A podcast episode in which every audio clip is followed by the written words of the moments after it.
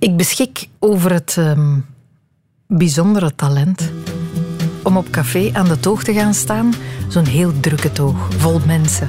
Net te weinig personeel, waardoor iedereen zo moet gaan duwen en vechten om te kunnen bestellen. Om daar te gaan staan, aan te schuiven, dan ook een plek recht voor de ober te bemachtigen. Om vervolgens toch iedereen weer voor te laten kruipen, waardoor ik ineens weer achteraan de mensenhoop beland. Kan het niet. Ook zittend aan het tafeltje de ober teken doen om te bestellen of te betalen, kan ik niet.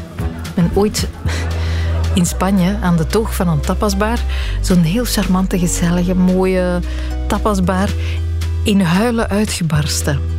Omdat ik mijn bestelling niet juist overgebracht kreeg. Echt waar. Mijn lief wist niet wat er gebeurde. En de oude man met de snor aan de overkant van de toog nog veel minder. En samen zaten die dan zo wat naar elkaar te kijken van wat gebeurt er? En ik kon alleen maar denken, ah, ik kan nooit meer in Spanje komen. Ik heb duizend van dit soort verhalen. Ik ben eigenlijk redelijk verlegen. Maar dat is helemaal oké. Want dat maakt van mij de Beyoncé van Vlaanderen. Wist je dat? Dat Beyoncé eigenlijk heel verlegen is. Dat is vooral oké sinds ik het boek Zelfs vogels zijn verlegen heb gelezen. Laat het ons eens over verlegenheid hebben. Welkom in de wereld van Sophie.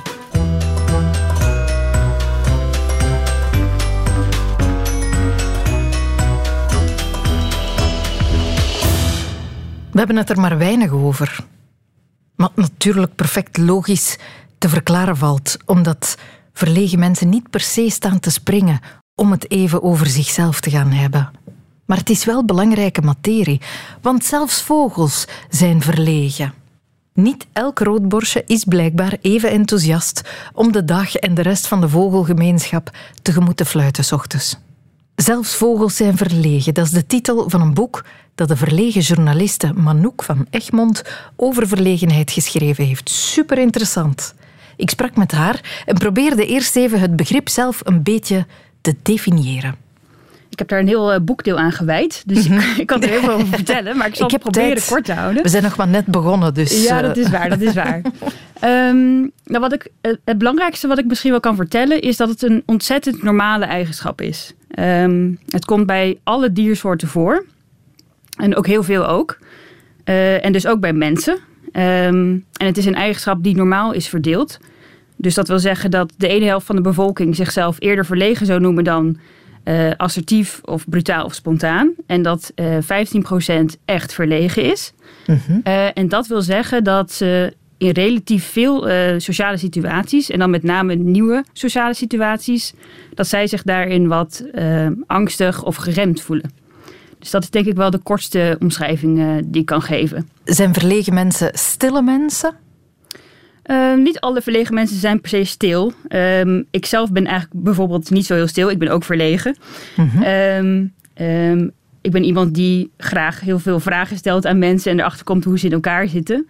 Uh, ook een beetje als strategie misschien om te verbergen dat, uh, dat ik verlegen ben. Ja. maar in die zin ben ik dus niet per se heel stil. Maar ik denk wel dat verlegen mensen het soms inderdaad lastig kunnen vinden om om uh, zichzelf te uiten. Ja, uh, ja, zeker in groep dan.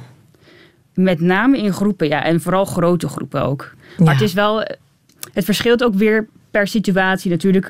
Als in, uh, niet elk verlegen mens is hetzelfde... en is in dezelfde situaties verlegen.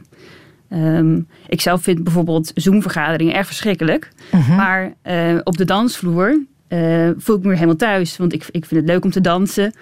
En dan ben ik eigenlijk helemaal niet zo verlegen. Dan sta ik gewoon uh, op het midden van de dansvloer. Terwijl iedereen kijkt, uh, ben ik, ga ik dan helemaal los. Ja, ja, ja. Ja en dat, dat, dat verschilt dus eigenlijk per persoon ook. Van wanneer mensen zich geremd voelen. Maar het, de overeenkomst is wel dat met name nieuwe sociale situaties in grote groepen. Dat vinden verlegen mensen vaak wel lastig. Hangt het samen met onzekerheid? Het hangt zeker ook samen met onzekerheid. Um, persoonlijkheidswetenschappers die omschrijven verlegenheid als een combinatie van introversie uh, en neuroticisme. Um, en neuroticisme is een wetenschappelijke term.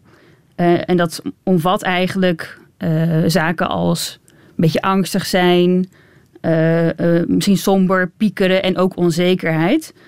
Ehm, en verlegen mensen die zijn dus inderdaad vaak ook een beetje onzeker of angstig. Gaat het samen ook met een, een soort ja, hoogsensitiviteit, waar je wel vaker over hoort praten? Een hoge gevoeligheid voor de ander en de omgeving?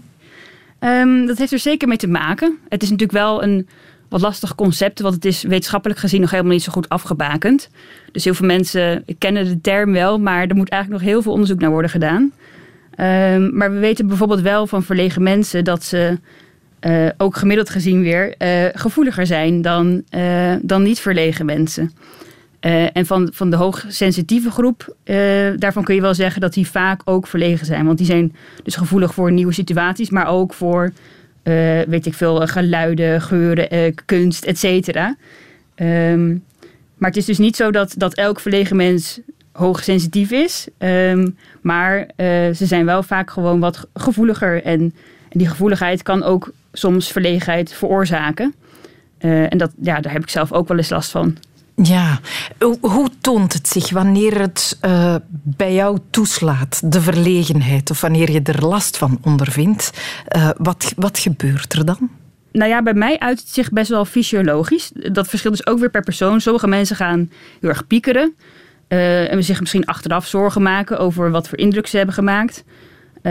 of vooraf dat doe ik trouwens ook. Maar um, bij mij gaat ook echt mijn hart veel sneller kloppen. Ik ga zweten. Um, um, dus ik heb best wel wat fysiologische stress eigenlijk. Mm -hmm. en, en daardoor staan soms ook weer mijn gedachten op hol. En dan ga ik me best wel bezighouden met uh, misschien ook wat mensen van mij vinden. Uh, en daar ben ik dan een beetje bang voor. Vooral als ik die mensen dus niet, niet zo goed ken.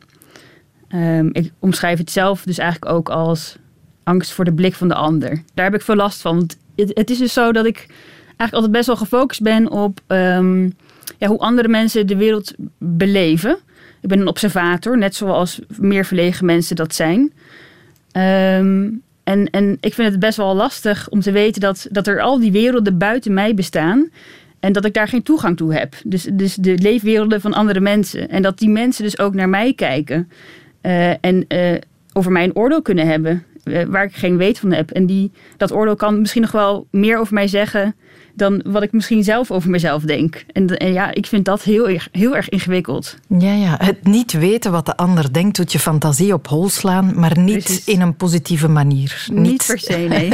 niet dat je gaat denken, die zal mij vast reuze leuk vinden, bijvoorbeeld. Nee, nee, nee. Maar ja, dat heeft ook mee te maken omdat ik dan bijvoorbeeld heb gemerkt dat, dat uh, het, het, niet altijd wordt gewaardeerd als je je heel verlegen of teruggetrokken opstelt. Dus daar ga ik me dan ook druk over maken. Dat ik, dat ik eigenlijk niet zo wil overkomen. Ja, ja. Ja, ja, dat is dubbel ambetant. Dus je, je bent al ongemakkelijk en dan word je ongemakkelijk over je eigen ongemak. Exact, het wordt een soort vicieuze cirkel. Is het iets dat, je in, dat in je genen zit? Word je, er, word je geboren als verlegen persoon? Uh, ja, zeker. Het is voor een groot uh, gedeelte genetisch bepaald. Uh, ja, persoonlijkheidstrekken uh, zijn ongeveer rond de 50% genetisch bepaald. En dat is best wel fors. Um, en er zijn wetenschappers die zeggen dat het voor verlegenheid dat het getal zelfs nog wat hoger ligt. Alleen daar is nog wat oneenigheid over. Um, maar het is dus uh, iets. Nou ja, het, degene bepalen de marge van hoe, hoe brutaal of verlegen je kunt worden. Dus het is niet zo dat er helemaal vast ligt precies hoe verlegen je ligt, maar wel hoe, uh, ja, uh, als, je, als je de aanleg hebt om heel verlegen te zijn, zal je nooit de persoon worden die gaat juichen om een uh, presentatie te geven. Dat, dat gaat gewoon niet gebeuren. Ah ja, oké. ja. Blijkbaar zou het, las ik, een evolutionair nut hebben, al die verlegen mensen. Zeker. Ja, niet alleen bij mensen, maar dus bij alle dieren. Uh, het is ook een eigenschap, de shy bolt as wordt als eerste gemeten bij dieren, omdat het zo'n robuuste eigenschap is. Um, als je bijvoorbeeld als een, een, groep vissen alleen maar zou bestaan uit uh, brutale vissen. Ja. Uh, en ze gaan met z'n allen op jacht, uh, op zoek naar eten. Maar toevallig is er een visser in de buurt die een net heeft neergelaten. En ze zwemmen er allemaal in, dan is die hele groep weg. Dus dat is, dat, is, dat is best wel onhandig. Ja, juist. Ja, je moet ook, je moet ook de, de verlegen vissen hebben die achterblijven en een beetje voorzichtig zijn en vooral hun omgeving goed observeren. Ja, ja, dat is ja. hartstikke nuttig. Ja, en dat geldt voor alle diersoorten en dus ook voor mensen. Ik heb er nog Eh, nooit bij stilgestaan dat de vissen die aan de haak hangen, dat dat de brutale beestjes zijn. Exact, exact. Ja, ja, ja. Ja. Maar het is ook zo, verlegenheid hangt dus ook samen met allerlei eigenschappen die hartstikke nuttig zijn. Ehm, verlegen mensen zijn vaak wat bedachtzamer, nemen wat minder risico, eh, zijn loyaler aan, eh, gemiddeld genomen dan, aan, aan vrienden of hun partner. Ehm, dus ja, we, we hebben de hele variëteit nodig. Zowel de brutale hebben we nodig als de, de verlegen mensen. Ja. En dus moeten we verlegen mensen, want daar komt het voor een groot deel op neer in je boek, moeten we verlegen mensen niet willen veranderen. Hè? Ehm, ik wil het daar dadelijk meer over hebben met jou, over eh, dat we wel die neiging hebben om aan een verlegen persoon te zeggen van, zeg, praat eens wat luider, doe eens mee met de rest. Eh, maar ik wil eerst even met jou een kleine stand van zaken, want eh, je gaf het op voorhand aan, je gaf het net in het gesprek aan. Dit is voor jou spannend. Ervaar je dit nu? Ja. Appt dat weg naarmate het gesprek vordert? Jawel. Ik denk over tien minuten dan eh, voel ik me nog wat relaxter. Ja. Eh, het is nu ook wel ietsje gezakt, gezakt. Ja, zie je, nu verspreek ik me ook omdat ik er nu bewust van ben dat ik inderdaad een beetje zenuwachtig ben. Nee, ja, het is ook hartstikke goed om te benoemen, denk ik. Want ik denk niet dat iedereen die op de radio komt gelijk ook vertelt van ja, ik vind het eigenlijk ook rete spannend. En er zijn natuurlijk heel veel mensen die dat hartstikke, hartstikke spannend vinden. Eh, ja, en voor mij is dat misschien extra spannend. Ehm, ja, voor verlegen mensen is, is het gewoon best wel spannend om in de spotlight te staan. En, en nu, ik bedoel, we hadden het net over de angst voor de blik van de ander. En er zijn nu allemaal luisteraars die ik niet zie, waar Mhm. ik geen contact mee heb, eh, die mee zitten te luisteren. Ja, dat vind ik best wel ingewikkeld. Ja. En dan moet ik ook nog eens. eh, ik heb natuurlijk nou, een paar jaar over dat boek gedaan, heel veel mensen gesproken en heel rustig achter mijn computertje dat boek kunnen schrijven en mijn gedachten kunnen formuleren. En dan moet ik nu in een paar minuten dat gaan samenvatten. Nou, dat is eigenlijk ook niet iets wat ik heel erg makkelijk vind. Ja, nee, dat begrijp ik. Heb je het gevoel dat eh, je verlegenheid doorheen je leven al wat geëvolueerd is? Want ik las dat je er wel lang voor geschaamd hebt. Is dat bijvoorbeeld al enigszins geëvolueerd? Ja, zeker, maar ook door het schrijven van dit boek. Maar ik, heb een heel verlegenheidsverhaal. Ehm, als in, ik ben al van jongs af aan verlegen geweest. Eh, als baby kon je het eigenlijk al bij me zien. Dat kan je wel bij meer baby's ook zien. Al vanaf een half jaar. Als je een robotje op eh, kinderen afstuurt, eh, kun je kijken, gaan ze er naartoe? Of, of maken ze afwerende ge- gebaren? Nou ja, ik val denk ik dan in die laatste categorie. Ik was gewoon, ik sloeg al mijn handen voor, voor mijn ogen als vreemde mensen binnenkwamen lopen. En dook onder de tafel op, eh, bij verjaardagen bijvoorbeeld. Ehm, en ja, ik, ik ben dus eigenlijk ook mijn hele leven lang verlegen gebleven. Ehm, en, eh, maar toen ik nog heel jong was, vond ik dat niet zo erg dat ik verlegen was. Want de mensen om me heen vonden dat ook niet zo erg. Want ik was gewoon een schattig eh, blond meisje die een beetje op haar lip beet. En ja, er was nog niet zoveel mis mee. Want we vinden van, van, van jonge mensen, die mogen nog wel verlegen zijn. Maar als je volwassen bent, dan moet je dat toch wel ontstegen zijn. Dus het werd moeilijker naarmate ik ja, ouder werd. En naar de middelbare school ging bijvoorbeeld. En eh, daar te horen kreeg dat ik beter moest presenteren en leren debatteren. Je moet jezelf staande houden eh, onder leeftijdsgenoten. En de brutalen hadden daarbij toch wel vaak het voordeel. Ehm, ja, en natuurlijk ook op de universiteit ehm, kreeg ik te horen dat ik mezelf wel wat meer mocht laten zien. Dat mijn mening toch ook wel waardevol was. En ja, dus, dan werd het wat aardiger verwoord. Maar ehm, ja, kreeg ik toch heel erg de boodschap mee van het is, het is eigenlijk niet zo goed zoals jij in elkaar zit. En ik heb dat mij eigenlijk best wel erg aangetrokken. Eh, en op de universiteit heb ik dus ook een sociale angststoornis ontwikkeld. Eh, dat bedoel ik eigenlijk ook met die evolutie van die verlegenheid. Bij mij werd het op een gegeven moment werd het echt sociale angst. Eh, omdat mijn interne criticus eigenlijk nog veel sterker werd dan eh, de buitenwereld. Nou ja, Ja, die ja, nam ja. het over van de impliciete boodschap die de maatschappij je al gaf dat het niet goed was zoals je was op dat moment. Exact. En ik ging me gewoon heel erg focussen op hoe ik overkwam en of ik niet te onzeker of te verlegen overkwam. Uh, en ik, nou ja, ik heb dus zelf best wel last van blozen. Ik bloos heel snel, dus uh, dat is bij mij een uiting van mijn verlegenheid. Dus ik ging er heel erg op letten dat, um, nou ja, ik wilde niet dat mensen dat zagen. Dus ik ging dat heel erg verbergen en mijn handen voor mijn wangen slaan. Uh, of doen alsof ik heel hard had gerend, bijvoorbeeld, om op tijd te komen bij een les. Om dan te verklaren waarom ik rood zou zijn. Um, en ja, hoe meer ik daarmee bezig was, hoe banger ik ook werd. En ik ging mezelf ook heel streng toespreken van...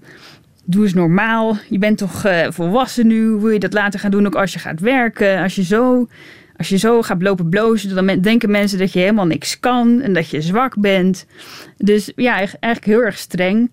Uh, ja, en, dat, en dat, dat liep dus een beetje uit de hand. Um, waardoor ik ook gewoon steeds minder sociale dingen durfde te doen. Um, en ja, mensen die een sociale angststoornis hebben, die kunnen dus ook echt soms helemaal wegkwijnen op hun kamertje. Uh, ik heb ook een meisje gesproken dat nu echt helemaal is gestopt met de studie en haar werk. En die zit alleen maar thuis omdat ze zo bang is uh, voor haar gebloos. Oh. Ja, dat is natuurlijk verschrikkelijk. Ja. ja.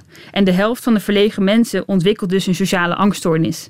Best wel fors. Ja, dat is uh, inderdaad fors. Omdat wij eigenlijk als maatschappij het er wat moeilijk mee hebben gaan we het een heel groot deel van de maatschappij op, uh, uh, opnieuw moeilijk maken. Er zitten hier eigenlijk grote sociologische bewegingen achter.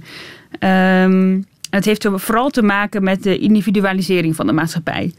Uh, en die is bijvoorbeeld aangejaagd door de emancipatiebewegingen in de jaren 60 en 70. Denk aan de Roze Revolutie, uh, uh-huh. de vrouwenemancipatie, aan de krakers, et cetera. En voor die groep was het heel belangrijk uh, om zichzelf uh, te uiten, om aan zelfexpressie te doen. En die zelfexpressie vinden we eigenlijk nu nog steeds heel erg belangrijk.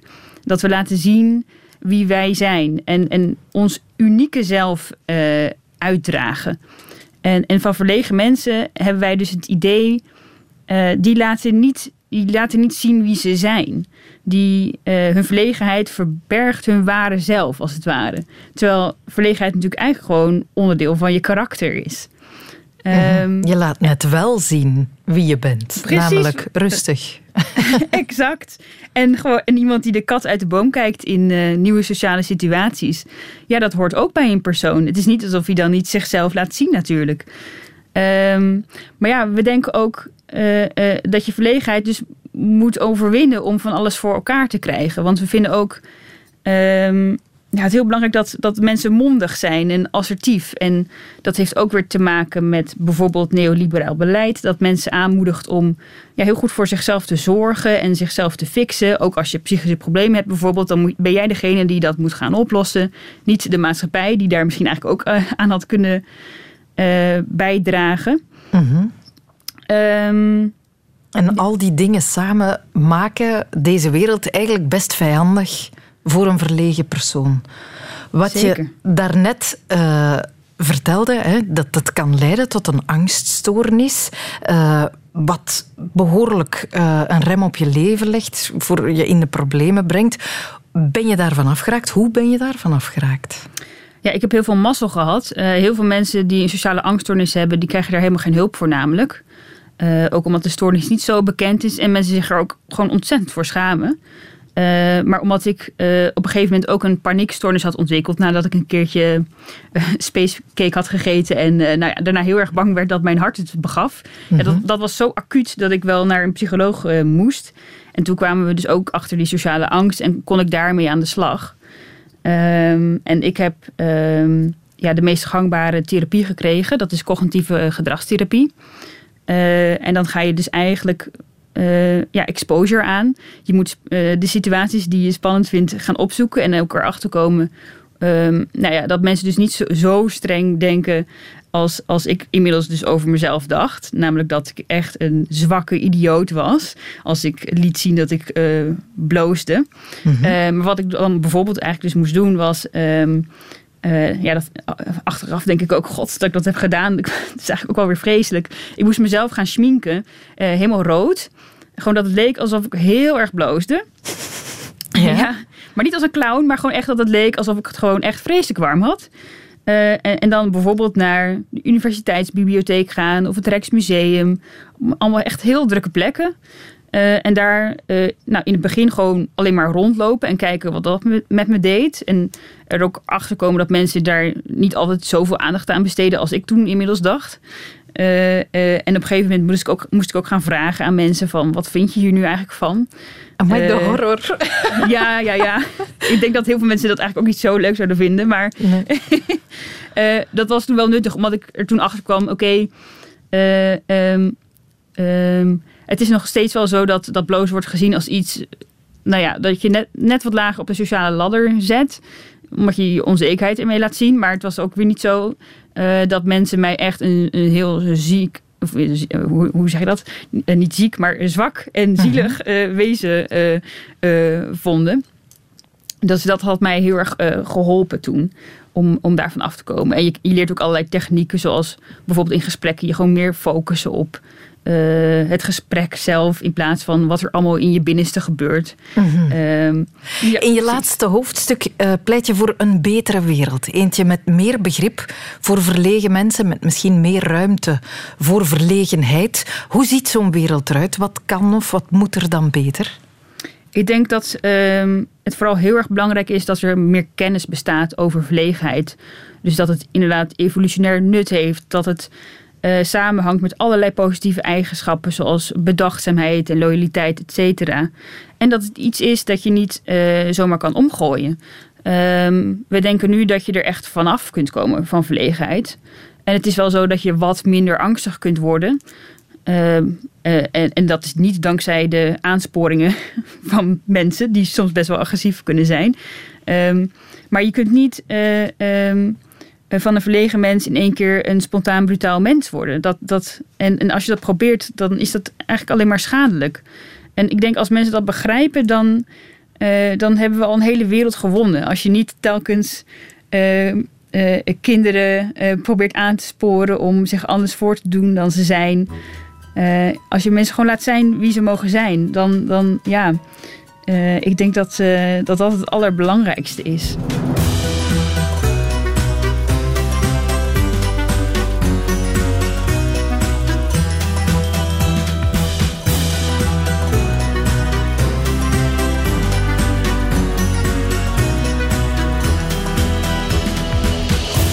Weet je wie ook verlegen is?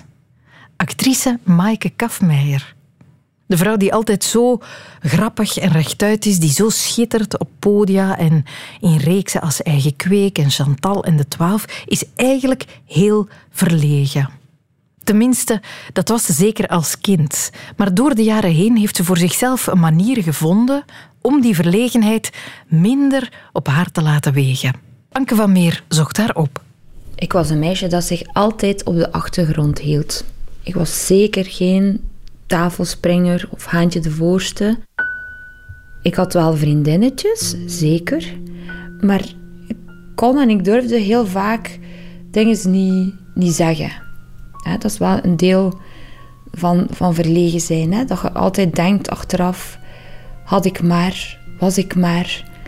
Ja, ik zat vaak aan de rand. De rand van de klas, de rand van de kring.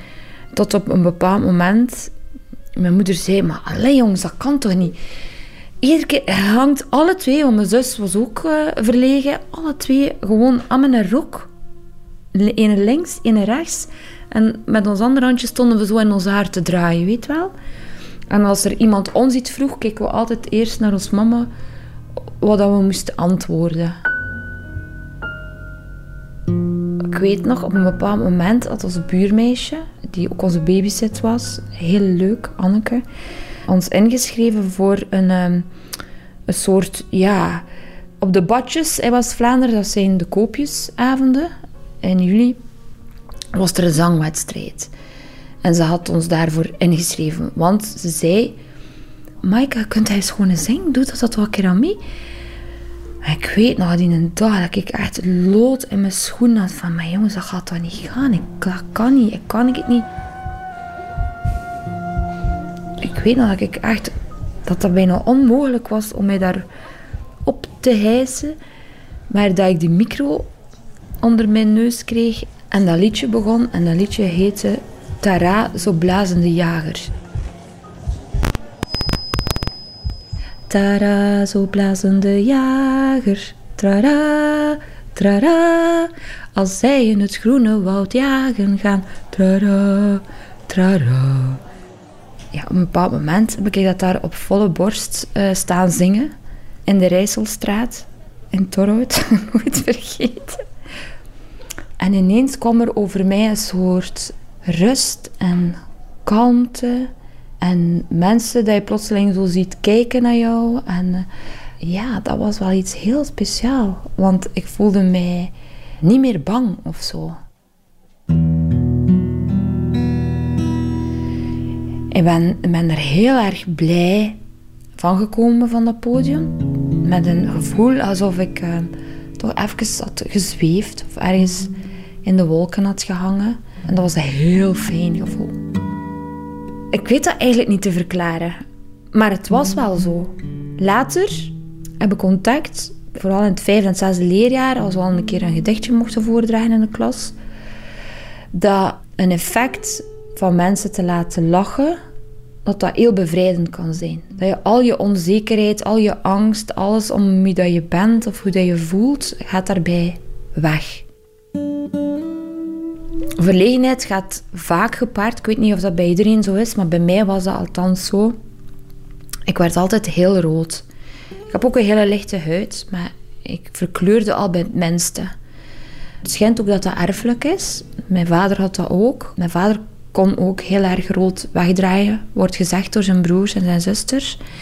Maar ik vond het vooral ook altijd heel vervelend dat ik zo rood werd. Ja, je verraadt ook zoveel van jezelf op dat moment. En het is ook een vernietigend gevoel, verlegenheid, vind ik. Maakte mij althans niet, niet gelukkiger, omdat het mij vaak heel erg belemmerde. En daarom denk ik ook, koos ik er vaak voor om, om niet te spreken. Hè, om vaak om, om, om, boeken te lezen. Ik zat heel vaak in mijn eigen wereld. Ehm. maar ehm, toen ik groter werd, had ik al wel ontdekt van... Op het podium raak ik van die verlegenheid af. Ik, ik heb een beperkt speelkader waarin dat ik kan zijn wie dat ik wil. En dan durf ik echt ook gewoon zijn wie dat ik wil. Alleen was er een enorm nadeel. Ik zat uh, in het eerste jaar van het conservatorium. We hadden een hele strenge dictieleerkracht. Dus naast mijn he en mijn ha was er nog een nevenaspect. Namelijk, uh, ze zei, ja Mike, als jij altijd zo rood gaat worden als jij iets moet zeggen, ja, dan zal er met jou niks worden, hè meid. ik vond dat zo echt heftig dat zij dat zei. Jij verraadt altijd als het uw beurt is. Ja, wat kunt jij dan doen op het theater? Ik dacht, what the fuck, ja, dat is echt, dat kan echt niet. Ik, ik wil echt wel dit doen. Dit is echt wel, dit is wat ik wil in mijn leven. En toen dacht ik, wauw, hier moet ik iets aan doen. En toen was er een vriendinnetje van mij en die had ja, een oplossing. Die zei, Mike, weet je wat je moet doen? Je moet gaan poseren voor gasten van Sint-Lucas. Naakt. Ik zei, je niet goed zeker? Kom aan, ik durf amper, ik durf amper in mijn blote benen lopen op het podium. Laat staan dat ik dan een beetje in mijn bloten voor die... Allee, ja, maar nee, nee, je moet dat zo niet zien. Je moet jezelf objectiveren. Hè. Er wordt naar u gekeken, ja, natuurlijk wel voor uw lijf, maar eigenlijk vooral om de verhouding tussen uw schouders en uw knieën en uw tiet. Ja, ook, maar het, ja... En ik dacht, ja, op zich dan misschien... Ja, ik ben zo extreem verlegen. Ik durf amper... Dus ik moet... Ik ga, dat is een goed idee. Als ik gewoon bekeken word, niet om wie dat ik ben, maar gewoon als een soort verhoudingspatroon, dan kan het mee leven. En effectief, ik, ik heb dat gedaan en dat heeft mij echt geholpen. Omdat, ja, je zit dan daar, dat is ook heel awkward. Je gaat je zitten, je neemt de pose aan, je zit een half uur, iedereen pakt zijn potlood en zijn gom en hoort alleen stilte. Niemand die iets zegt. En ik begon mij wel echt uh, bevrijd te voelen. Niet meer bekeken te voelen. En dat is echt contradictorisch, hè? want je denkt, ja, ik sta op een toneel, je wordt bekeken, maar het is een bepaald facet van je lichaam dat je niet... Het gaat namelijk over wat denken mensen over mij. En weet je, dat was het tweede punt die mij daar enorm heeft bij geholpen. Geen fuck. De mensen denken niets over mij. De mensen zijn vooral bezig met zichzelf. Ik weet nog dat ik vroeger nooit met vriendinnen of mijn vrienden afsprak op café. Liever niet. Allee, toch niet alleen. Want als ik alleen moest binnenkomen in een café, dan had ik daar problemen mee. Want dan moest ik alleen binnenkomen en ik durfde dat eigenlijk niet. Omdat ik dacht, iedereen kijkt naar mij. Maar dat is niet waar. Niemand kijkt naar u. Ja, ze kijken omdat misschien gesneeuwd is en dat je er besneeuwd uitziet. Of als ze je knap vinden. Of dat je een rare frak aan hebt. Maar intens, omdat ze iets over u denken, nee. En dat was, dat was wel fijn. En je moet ook niet zo... Wat, hoe is dat nu? Hoe denkt hij over jezelf? Plaats hij jezelf zo in het midden van de belangstelling dat hij denkt dat iedereen een mening over u heeft? Dat is toch ook wel raar, hè? Dus een keer dat ik daar vanaf was, merkte ik dat dat, dat dat toch een heel stuk beter ging. Ook naast het podium, want dat is belangrijk. Op het podium kun je iemand anders worden of, of, of, of heb je die vrijheid om alles te doen wat je moet doen, hè, wat, wat het vergt voor je rol. Op een podium zijn je omgeven door mensen. En als je dus uh, vervelende dingen moet doen, dan weet je dat dat komt en dat je ondersteund wordt. Maar in het leven is dat niet zo. Hè. Het leven is geen rehearsal. Hè. Dat is niet. Hè. Dat, is, dat, dat is echt iets anders. Ehm, en toen heb ik ook geleerd dat mij uitspreken, mij gewoon, ook al komt het er scheef uit, altijd beter is dan niks zeggen. Dat alles samen heeft ervoor gezorgd dat er een groot deel van die verlegenheid is weggegaan. Maar dat zit dat wel nog. Ik voel dat wel. Ik ben niet iemand dat... hey, hier ben ik. Um, dat, ga ik dat ga ik nooit niet zijn. Maar ehm, ik vind het wel heel leuk om mensen blij te maken. Bij mij heeft het geholpen om over die verlegenheid heen te komen, om humor te plegen, zeg maar, om met mensen bezig te zijn, om mensen te zien lachen. Ik vind het heel fijn om iemand anders um, gelukkig te maken. Ja, dat is het. Dat is iets pleasants. En verlegenheid is dat eigenlijk ook tegenovergesteld. Omdat je zoveel aandacht besteedt aan wat iemand anders over u denkt. Maar te is nooit goed, hè. En wat dat betreft ben ik blij dat ik eh, mijn verlegenheid heb kunnen aanwenden om er, althans voor mij en voor vele mensen blijkbaar ook, iets positiefs van te maken. Thank God dat ik verlegen was.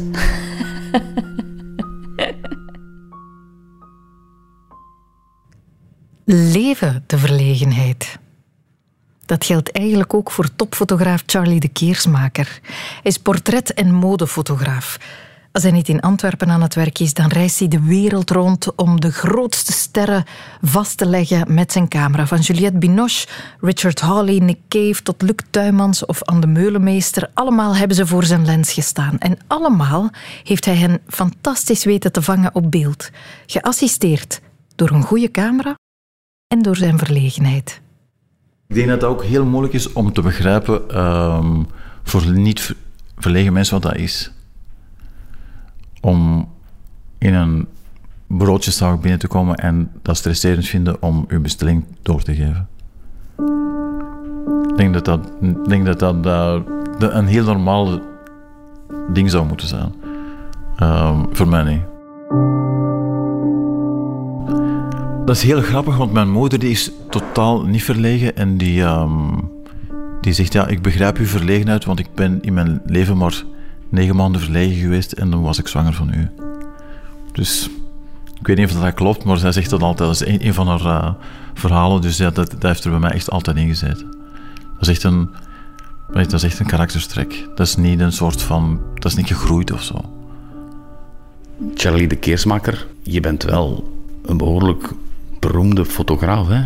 Uh, in, in Vlaanderen ben ik, ja, ik ben al lang bezig. Dus uh, als je het een beetje volgt, zullen mijn naam wel al eens gezien hebben ergens. Uh, foto van mij heb je dus zeker al eens ergens zien hangen, denk ik. Of geprint zien staan.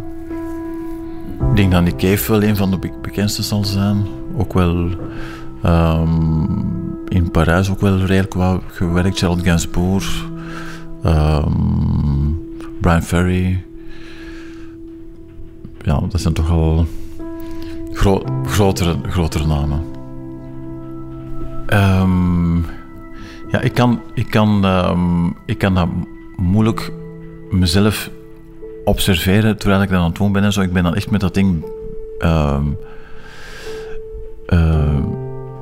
bezig en ik weet, ja, er, zijn, er, zijn, wordt zo gezegd fotografie, de fly on the wall en zo. Ik weet dat dat, dat is eigenlijk onmogelijk om niet op te vallen met zo'n gigantisch ding dat voor je neus wordt geduwd. Dus dat, um, je bent wel echt wel bewust van je aanwezigheid. En ik denk um, dat het um,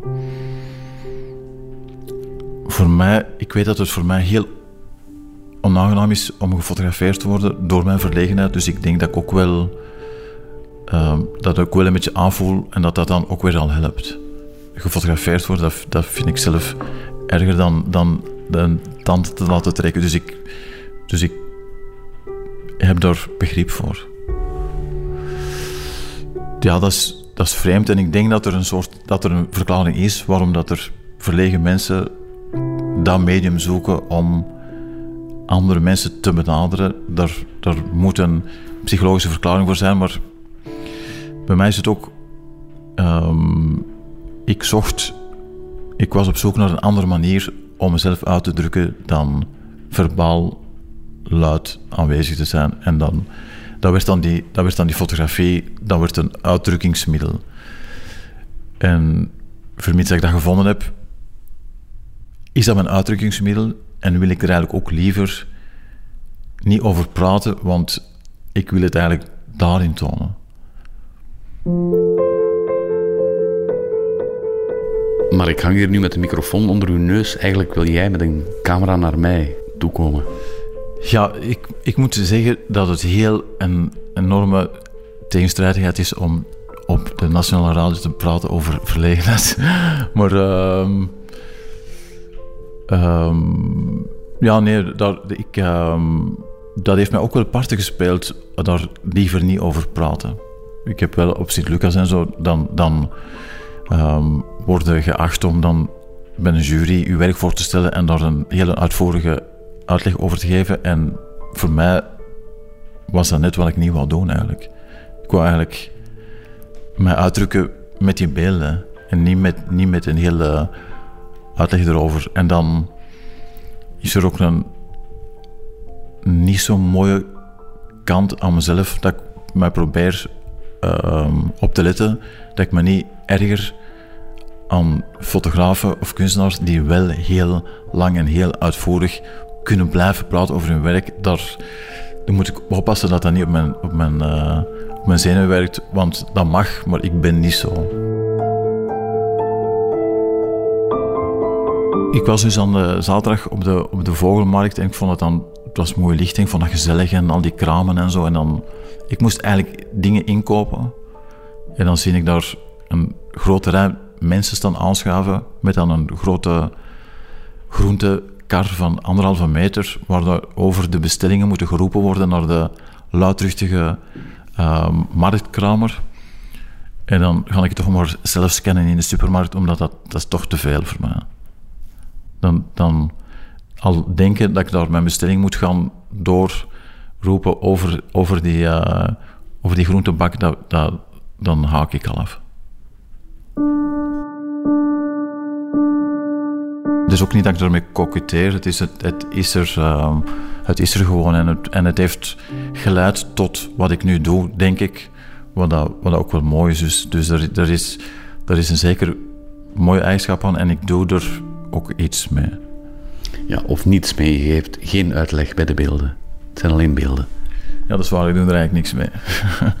nee, dat is waar. Dat is waar. Um, ik vind dat, een, uh, ik vind dat wel een, vind dat wel een uh, tekortkoming, maar uh, ja, ik, ik heb er mij al zo dikwijls proberen over te zetten en het lukt niet. Dus, dus um, het, is, uh, het is beter om dat gewoon te accepteren, denk ik. Charlie, het heeft iets bijzonders wat we nu aan het doen zijn. Praten over uw verlegenheid, dat is iets. Um, ja, het is ook niet iets waar je gemakkelijk over praat, denk ik. Zeker niet als je dan al verlegen zijn van natuur of zo, maar ehm, er, is ook niks, er is ook niks echt mis mee. Ik, eh, ik, heb, ik, heb eens een fotoshoot gedaan met, met Charlotte Gainsbourg, die is echt super verlegen.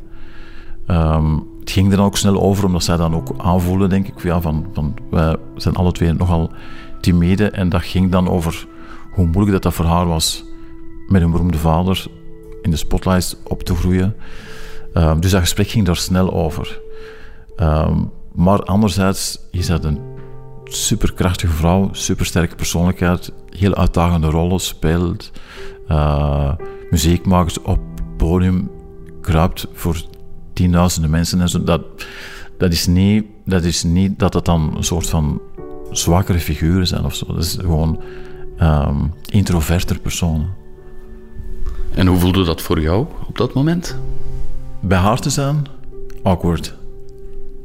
Het is toch gemakkelijker, um, is toch gemakkelijker met, een, met, een, uh, met een tafelspringer dan zo met in, een, in een lege backstage ruimte met twee verlegen mensen. Het is wel, dat is anders toch. En dan zie je iemand um, zo sterk dat uitkomt voor die eigenschap en dan denk je van ja, dat is eigenlijk, dat is eigenlijk niet, niet, zo, niet zo erg. Je kunt, er wel, je kunt er wel iets mee doen. En dat wil niet zeggen dat hij, omdat hij stil is, dat hij niks te vertellen heeft.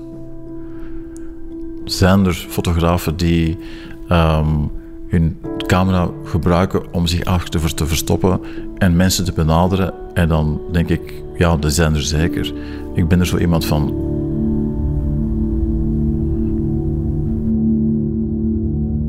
Dit was de wereld van Sophie over verlegenheid. De kwaliteit die sommige mensen bezitten om op het juiste moment gewoon te zwijgen. Het talent om jezelf en je mening niet op te dringen. De kunst van de kalme aanwezigheid. Dit was een podcast van Radio 1. Ontdek nog meer podcasts van Radio 1 in onze app en op radio1.be. Radio 1. Altijd benieuwd.